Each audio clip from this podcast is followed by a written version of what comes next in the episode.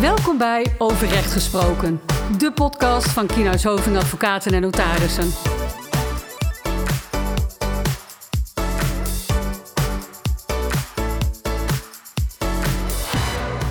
Ja, daar zitten we weer bij een, uh, bij een nieuwe podcast van Overrecht Gesproken.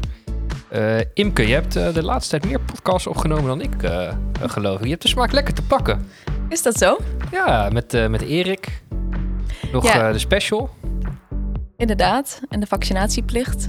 Ja, ja dus jij De gaat... nieuwjaarsspecial. En met Erik ben ik ingaan op het bestuursrecht. Een keer wat anders, helemaal uit mijn comfortzone. Ja, dat was wel leuk. Ja, toch? Ja, vond ik wel, vond ik wel. Maar goed, we zitten er vandaag weer voor het arbeidsrecht. Even toch nog voor de zekerheid even, even voorstellen. Ik ben uh, Vincent de Groot, advocaat arbeidsrecht. En mijn naam is Imke Linsen, uh, ook advocaat arbeidsrecht. Ja, en we gaan het vandaag hebben over, ja, hoe zullen we het noemen, de I-grond? Ja, de I-grond. Maar ik denk dat dat uh, voor weinig mensen tot de verbeelding spreekt. Ja. Eigenlijk hebben we het over het ontslagrecht en de mogelijkheid om op grond van de combinatiegrond de arbeidsovereenkomst te laten ontbinden door de rechten. Ja, en hoe komen we, hoe komen we eigenlijk zo tot dit onderwerp, uh, Imke? Ja, wij hebben vorig jaar eens een uh, actualiteitencursus gegeven. Misschien dat sommige van onze luisteraars daar wel bij waren. Uh, toen hebben we een update gegeven over de stand van uh, zaken in de rechtspraak met betrekking tot die, ja, die combinatiegrond. Ja, toen hebben we eigenlijk gezegd dat die behoorlijk streng was. Ja. Strenger dan we misschien hadden verwacht. Ja. En nou was er een paar weken terug, kort geleden, was er een uitspraak paar uitspraken zelfs over die I-grond. Waarvan we dachten, ja, echt moeten we daar weer een keer wat mee doen. Laten we daar eens een podcast over opnemen. Ja, dus in deze podcast zullen we die, uh, ja, die uh, recente uitspraken onder de loep nemen. En plaatsen in de, de, ja, de bedoeling van de wetgever.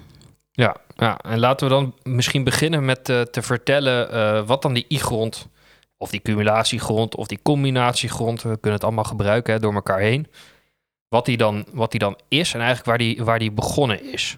Ja, nou, daar wil ik wel even iets over zeggen. Uh, per 1 juli 2015 hebben we te maken met de nieuwe ontslagrecht, hè? met de wet werk en zekerheid. Uh, sindsdien geldt een uh, gesloten grondenstelsel. En dat wil zeggen dat je alleen, of de rechten, alleen de arbeidsovereenkomst kan ontbinden als een van de in de wet genoemde gronden zich voordoet. Ja, en dat zijn dan dus even, even in grote lijnen de meest populaire zijn dysfunctioneren, verwijtbaar handelen en verstoorde arbeidsverhouding. Hè? Ja. En er zijn er dus nog meer, acht in totaal, inmiddels negen. Ja. Nou, en dat systeem um, werd eigenlijk te rigide geacht. De rechters hadden onvoldoende ruimte voor maatwerk. Ze deden zich situaties voor waarin de rechter eigenlijk vond dat partijen niet samen door één deur konden. Dat voortzetting van die arbeidsovereenkomst niet kon worden gevergd. Maar dat de rechter uh, toch op grond van de wet onvoldoende mogelijkheden had om die arbeidsovereenkomst te ontbinden. En daar moest dus wat aan gebeuren. Ik neem hem gewoon even over als je het niet erg vindt. Zeker niet. Dan mag jij zo meteen mij weer in de reden vallen. Nee, daarvoor kwam dus die, die I-grond. En dat was eigenlijk een soort, bedoeld als een soort reparatie of een aanvulling op inderdaad dat, dat rigide ontslagrecht. En om dus inderdaad die mogelijkheid van maatwerk wat meer in het leven te roepen. En te zeggen, nou ja, weet je, er zijn gevallen waarin dus niet een een van die gronden helemaal voldragen is, zoals we dat zouden noemen. Dus waarin het dossier helemaal op orde is en waarop je dan die arbeidsovereenkomst kan ontbinden. Maar wat we dan gaan introduceren is een grond waarbij je dus van een paar van die gronden een combinatie mag maken en dan alsnog die arbeidsovereenkomst kunt laten ontbinden. Ja, en nou, in feite moet die combinatie, die moet de rechter ervan overtuigen dat voortzetting van die arbeidsovereenkomst van de werkgever niet kan worden gevergd. Ja, precies. En ik weet nog dat ik in eind 2019 stond ik ongeveer iedere week stond ik een, uh, een cursus, een update over die wet waarin dit gebeurde, de WAP, de Wet Arbeidsmarkt in Balans, stond ik te geven. En nou ja, onze inschatting toen, in ieder geval, het idee wat iedereen erbij had, was dat het echt een stuk soepeler zou worden met de introductie van die I-grond. Ja, is dat ook echt zo, vind jij? Nee, ik denk het niet. Tot dusver zien we in rechtspraak, uh, nou ja, met uitzondering misschien van de uitspraak die we vandaag centraal stellen, zien we echt wel een strikte benadering. Rechters die ja, oordelen in algemene zin dat, je, dat sprake moet zijn van een bijna voldragen ontslaggrond. En dat de werkgever heel goed moet motiveren waarom. Nou ja, die een paar omstandigheden samen ehm, toch tot ontbinding zouden moeten leiden. Ja, en zo'n bijna ont voldragen ontslaggrond, dat is dan dus eigenlijk een kwestie waarin je het dossier nou, zo goed als op orde hebt, maar net een klein stukje niet. Ja, Dus dat je er echt, je was er bijna, maar net niet helemaal. maar je Ja. moet wel een dossier hebben eigenlijk. Ja, Ja. je, moet er, je moet er echt wel behoorlijk wat tijd en werk al in gestoken hebben. Ja. En er is nog één ander punt aan die, eh, aan die cumulatiegrond. En dat is die vergoeding die eraan vastzit. Hè. Er zit dus ook, als, je, als er ontbinding wordt uitgesproken op die i-grond... dan eh, kan er een vergoeding van 0 tot 50 procent extra bij de transitievergoeding opkomen. En wat we eigenlijk zagen was dat... De afgelopen jaar werd gewoon standaard, als het werd ontbonden op de i-grond, 50% toegewezen. ja, maar wel, we moeten daar wel bij de kanttekening plaatsen dat er volgens mij zes keer is ontbonden op grond van de i-grond. Ja, dus Dus eigenlijk nog maar echt een, echt een paar keren. Dus een steekproef van niks, zou je zeggen. Ja, Ja. Nee, heel goed. Scherp, scherp, scherp. Maar goed, geen eh, statistische analyses hier. Nee. Nee. je kunt hier geen, eigenlijk geen conclusies aan verbinden. Nee. Dat is eigenlijk de, de hoofdboot. Maar goed, streng uitgelegd. eh, bijna voldragen ontslaggrond. Nou, die dingen hebben we nu allemaal gezegd. Eh, maar dan gaan we nu even naar die uitspraak waarvan we hem zagen... en waarvan we zeiden, ja, nou ja, goed, dit lijkt wel... een heel klein beetje meer op wat we hadden verwacht misschien. Ja, want wat was daar aan de hand in die uitspraak? Nou, het ging over een, eh, een werknemer die werkte in een, eh, in een vliegtuig. Althans, zijn werkgever had een bedrijf waarmee ze eh, vliegtuigen leegruimden. En die heeft een pakje water gedronken dat niet van zijn werkgever was, maar dat in dat vliegtuig was achtergebleven. Was het een pakje water? Volgens mij was het een pakje water. Frisdrank, dacht ik. Ja? Of niet? Nou, een pakje Maakt drinken. Laten we zeggen een pakje drinken. Hij heeft iets gedronken. Een pakje water eh, klinkt wel heel onschuldig. Water is de eerste levensbehoefte, zou ik haast ja. denken. Nou ja, goed, dat is ook nog een verweer dat je mogelijk kunt voeren. Ja. Goed, er worden ook mensen op staande voet ontslagen voor pinda's eten en zo in dit soort situaties. Maar goed, daar moeten we een keer een andere Plastic podcast. tasjes op eh, jatten en zo. Volgens mij moeten we daar een keer een andere podcast over opnemen. Dat is ook super interessant, denk ik. Maar laten we het hier even behouden. Hij werd wel Een pakje drinken. Een pakje drinken. Hij werd wel op staande voet ontslagen. Om die reden. Ja. Vervolgens gaat hij naar de rechter toe, deze werknemer. En eh, die zegt: eh, Ik wil dat ontslag op staande voet vernietigd hebben. Ik wil dat dat van tafel gaat. En daarop zegt zijn werkgever: Nou ja, dan doe ik. Als de rechter inderdaad vindt dat dat ontslag op staande voet niet geldig was, dan wil ik ontbinding. En dan wel vanwege verwijtbaar handelen van die werknemer. En of, als dat niet genoeg is, een verstoorde arbeidsverhouding. En als dat niet genoeg is, dan op grond van die cumulatiegrond waar we het over hebben. Ja, dan pakken we dus meerdere omstandigheden samen. En die maken eh, volgens die werkgever dat de arbeidsovereenkomst niet kan worden voortgezet. Ja, precies. En nou ja, goed, je raadt het al, anders hadden we het niet over de i-grond en deze uitspraak. Dat ontslag op staande voet, dat gaat niet door. Nee. En eh, die rechter vindt ook dat het niet voldoende verwijtbaar handelen is. Althans, dat dat dossier onvoldoende op orde is om te ontbinden op de e-grond. Ja, want eigenlijk zegt de rechter: oké, het pakje drinken, pakken, werknemer, je moet gewoon van je spullen van de werkgever afblijven.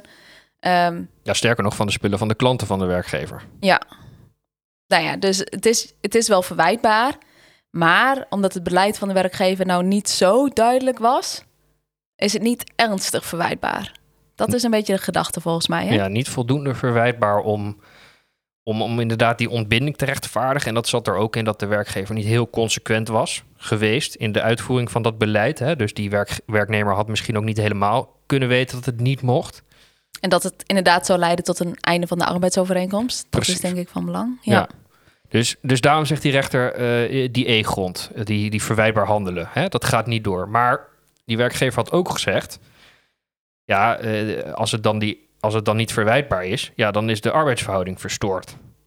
Want ik vertrouw deze werknemer niet meer. Precies, ik ben, ik ben alle vertrouwen in hem kwijt. Maar En kan deze werknemer niet meer bij klanten het werk laten doen. Precies, maar daarvan zegt die rechter ook. Nou ja, dat vind ik niet voldoende. En waarom zegt hij dat dan? Ja, de rechter vindt in deze dat eh, de werkgever meer had moeten doen om, dat, om die vertrouwensbreuk te herstellen, om dat aan te pakken en op te lossen.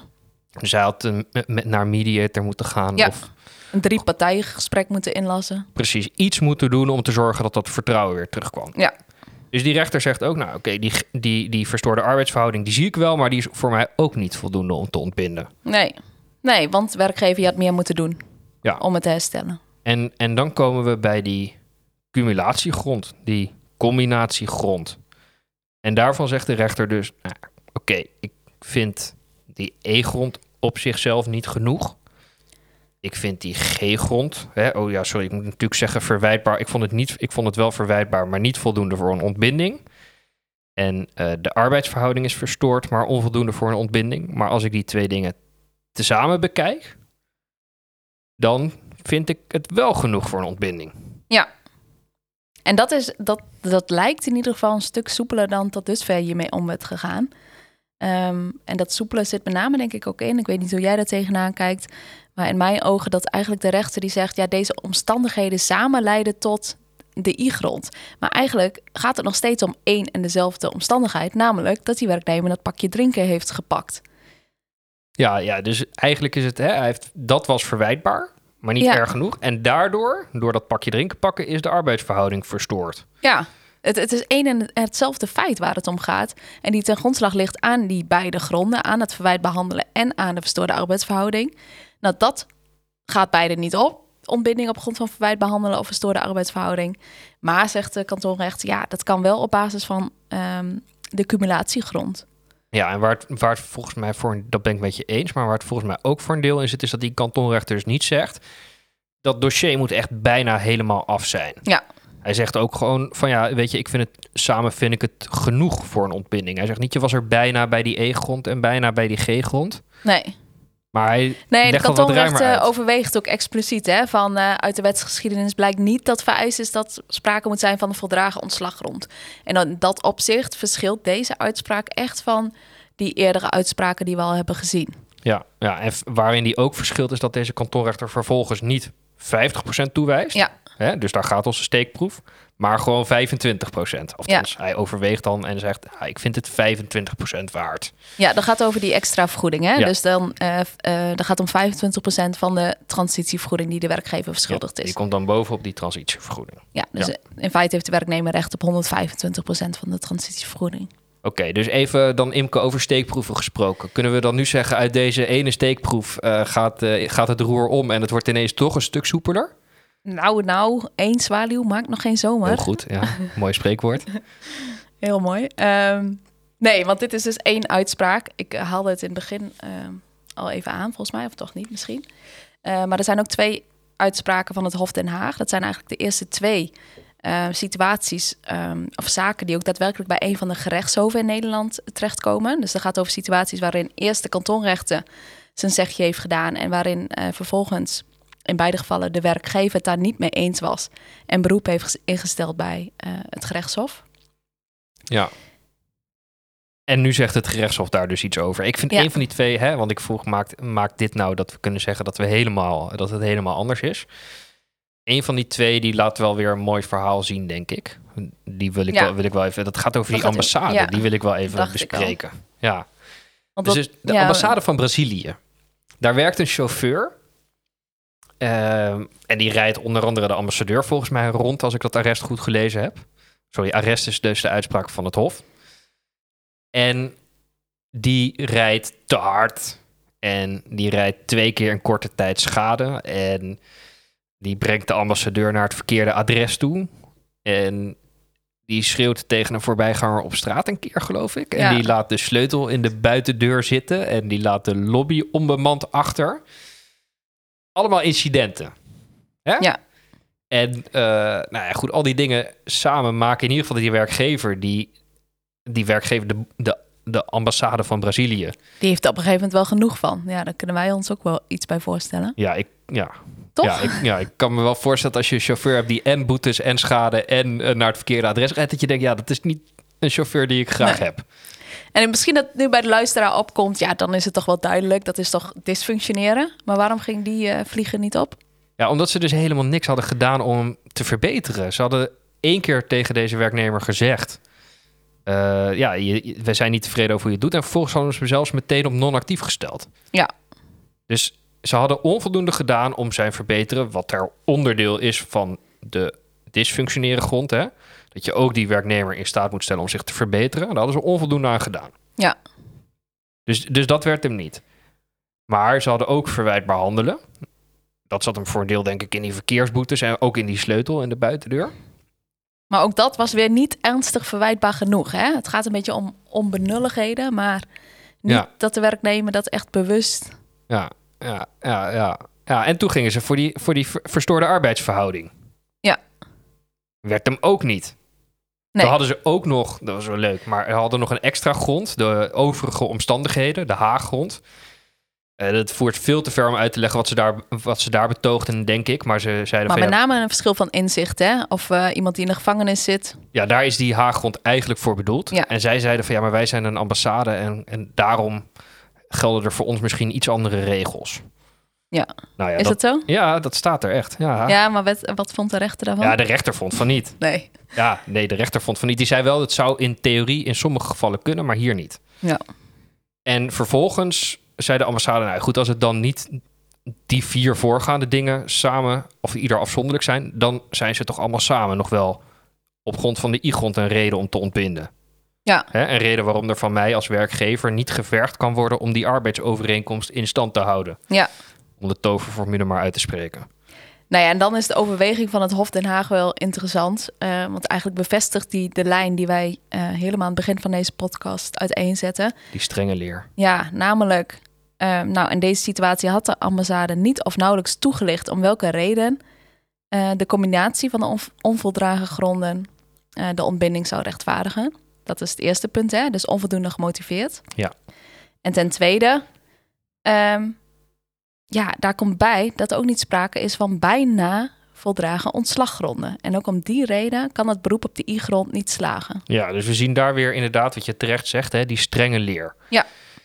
Dus we hebben nu één uitspraak gezien waarin het wat soepeler leek te zijn. Die van die kantoorrechter in Haarlem. Die hebben we als eerste besproken. En we zien nu weer eentje waarin het Hof, dus een instantie hoger, eigenlijk toch weer die strenge leer lijkt aan te hangen. Is er dan ook een les die we uit beide uitspraken kunnen trekken en eigenlijk kunnen zeggen van, nou ja, goed, dat, dat moet je dan in ieder geval als je dan je kans zo groot mogelijk wil maken om toch ontbinding op die i-grond te krijgen, wat moet je dan in ieder geval doen? Ja, ik denk dat je heel concreet moet maken waarom bepaalde omstandigheden opgeteld, dus samengenomen, ehm, maken dat voortzetting van jou niet kan worden gevergd, voortzetting van die arbeidsovereenkomst. Dus wat, ja, wat maakt dit nou zo problematisch? Waarom kun jij niet meer verder met die werknemer door één deur? Daar Ja. gaat het in essentie om, denk ik. Ja, dus niet simpel zeggen, ja, weet je, ik heb nu gezegd dat het verwijtbaar is en ik vind het een verstoorde arbeidsverhouding en ik vind dat die dysfunctioneert, die werknemer. Dus als je u dat niet met me eens bent, meneer of mevrouw de rechter, eh, dan is het toch in ieder geval gewoon die combinatie van die dingen. Nee, je moet echt uitleggen, goed, als u dat dan niet met me eens bent, mevrouw of meneer de rechter, dan is het toch nog steeds zo dat omdat, omdat die dysfunctioneert op dit stukje en omdat het verwijtbaar is op het andere stukje en omdat daardoor de arbeidsverhouding verstoord is misschien, hè, Ja. maakt dat allemaal tezamen dat ik, dat ik die arbeidsovereenkomst niet kan voortzetten. Ja, en daarbij is het dus heel belangrijk volgens mij dat je echt die feiten eh, voor ogen houdt. En dus niet gaat zeggen, hij een beetje verwijt behandelen, een beetje verstoorde arbeidsverhouding. Dat maakt samen dat ontbinding eh, eh, kan. Nee, je moet zeggen, nee, want die werknemer die heeft, nou ja, dat pakje drinken gepakt. En daarnaast eh, wil die klant de werknemer niet meer hebben. En dat samen, die twee omstandigheden maken dat eh, niet van mij kan worden gevergd die arbeidsovereenkomst voor te zetten, denk ik. Ja, dus, dus inderdaad, maar ook in die voorfase, als ik nou ondernemer ben, hè, dan moet ik dus echt goed nadenken. Oké, maar stel nou dat ik toch hier misschien net niet genoeg heb gedaan aan dat dysfunctioneren, of net niet genoeg aan die verstoorde arbeidsverhouding die er ook is. Waarom vind ik dan toch dat ik niet meer met deze werknemer verder kan? Ja. Dus daar moet je echt wel goed over nadenken en dat ook goed voor jezelf en ook in die procedure motiveren voordat je naar dat ontslag toe gaat. En ik denk dat die motivering in die zin belangrijker is dan de vraag of dan ehm, ja, of die omstandigheden ieder voor zich bijna voldragen zijn of niet. Of een bijna voldragen ontslaggrond opleveren. Nou, dat, dat is denk ik de goede les. Nou, dan, Ja. Imke, dan hebben we hem gewoon onze podcast alweer afgerond. Maar als we Oh. dan even, wat heeft de werkgever hier nu uiteindelijk aan? Want echt een versoepeling is het dus nog niet. Nee, het is nog niet de versoepeling die we, eh, die we dachten dat het was. Nee. Ik denk dat we daarvoor ook misschien wel moeten wachten totdat een van die zaken die nu bij dat hof ligt, hè, tot die nog weer een stapje verder gaat. En tot we bij de Hoge Raad zitten. Maar goed, dat duurt nog even. Ja. Tot die tijd is gewoon de, is de tip vooral doe je huiswerk. Ja, doe je huiswerk en zorg voor dat dossier. Hoe vervelend ook. Ja, hoe, hoe, hoe, inderdaad, hoe veel werk het ook af en toe kost, dat is toch gewoon de, de beste route om die ontbinding toch dan voor elkaar te krijgen, denk ik. Dus, Dat was hem, eh, Imke. ja, dankjewel. Leuk. Ja, ik vond het weer genieten. Ja. Mooi. Hey, ehm, als je nou naar deze podcast hebt geluisterd en je vond hem leuk, laat dan ook gewoon een review achter. En eh, volg ons ook op Instagram, overrechtgesproken. Tot de volgende keer. Dit was Overrecht Gesproken, de podcast van Kienhuis Hoving. Heb je vragen of wil je meer informatie? Stuur dan een e-mail naar podcast.kienhuishoving.nl Wil je niets missen? Abonneer je dan op onze podcast via jouw favoriete podcast-app.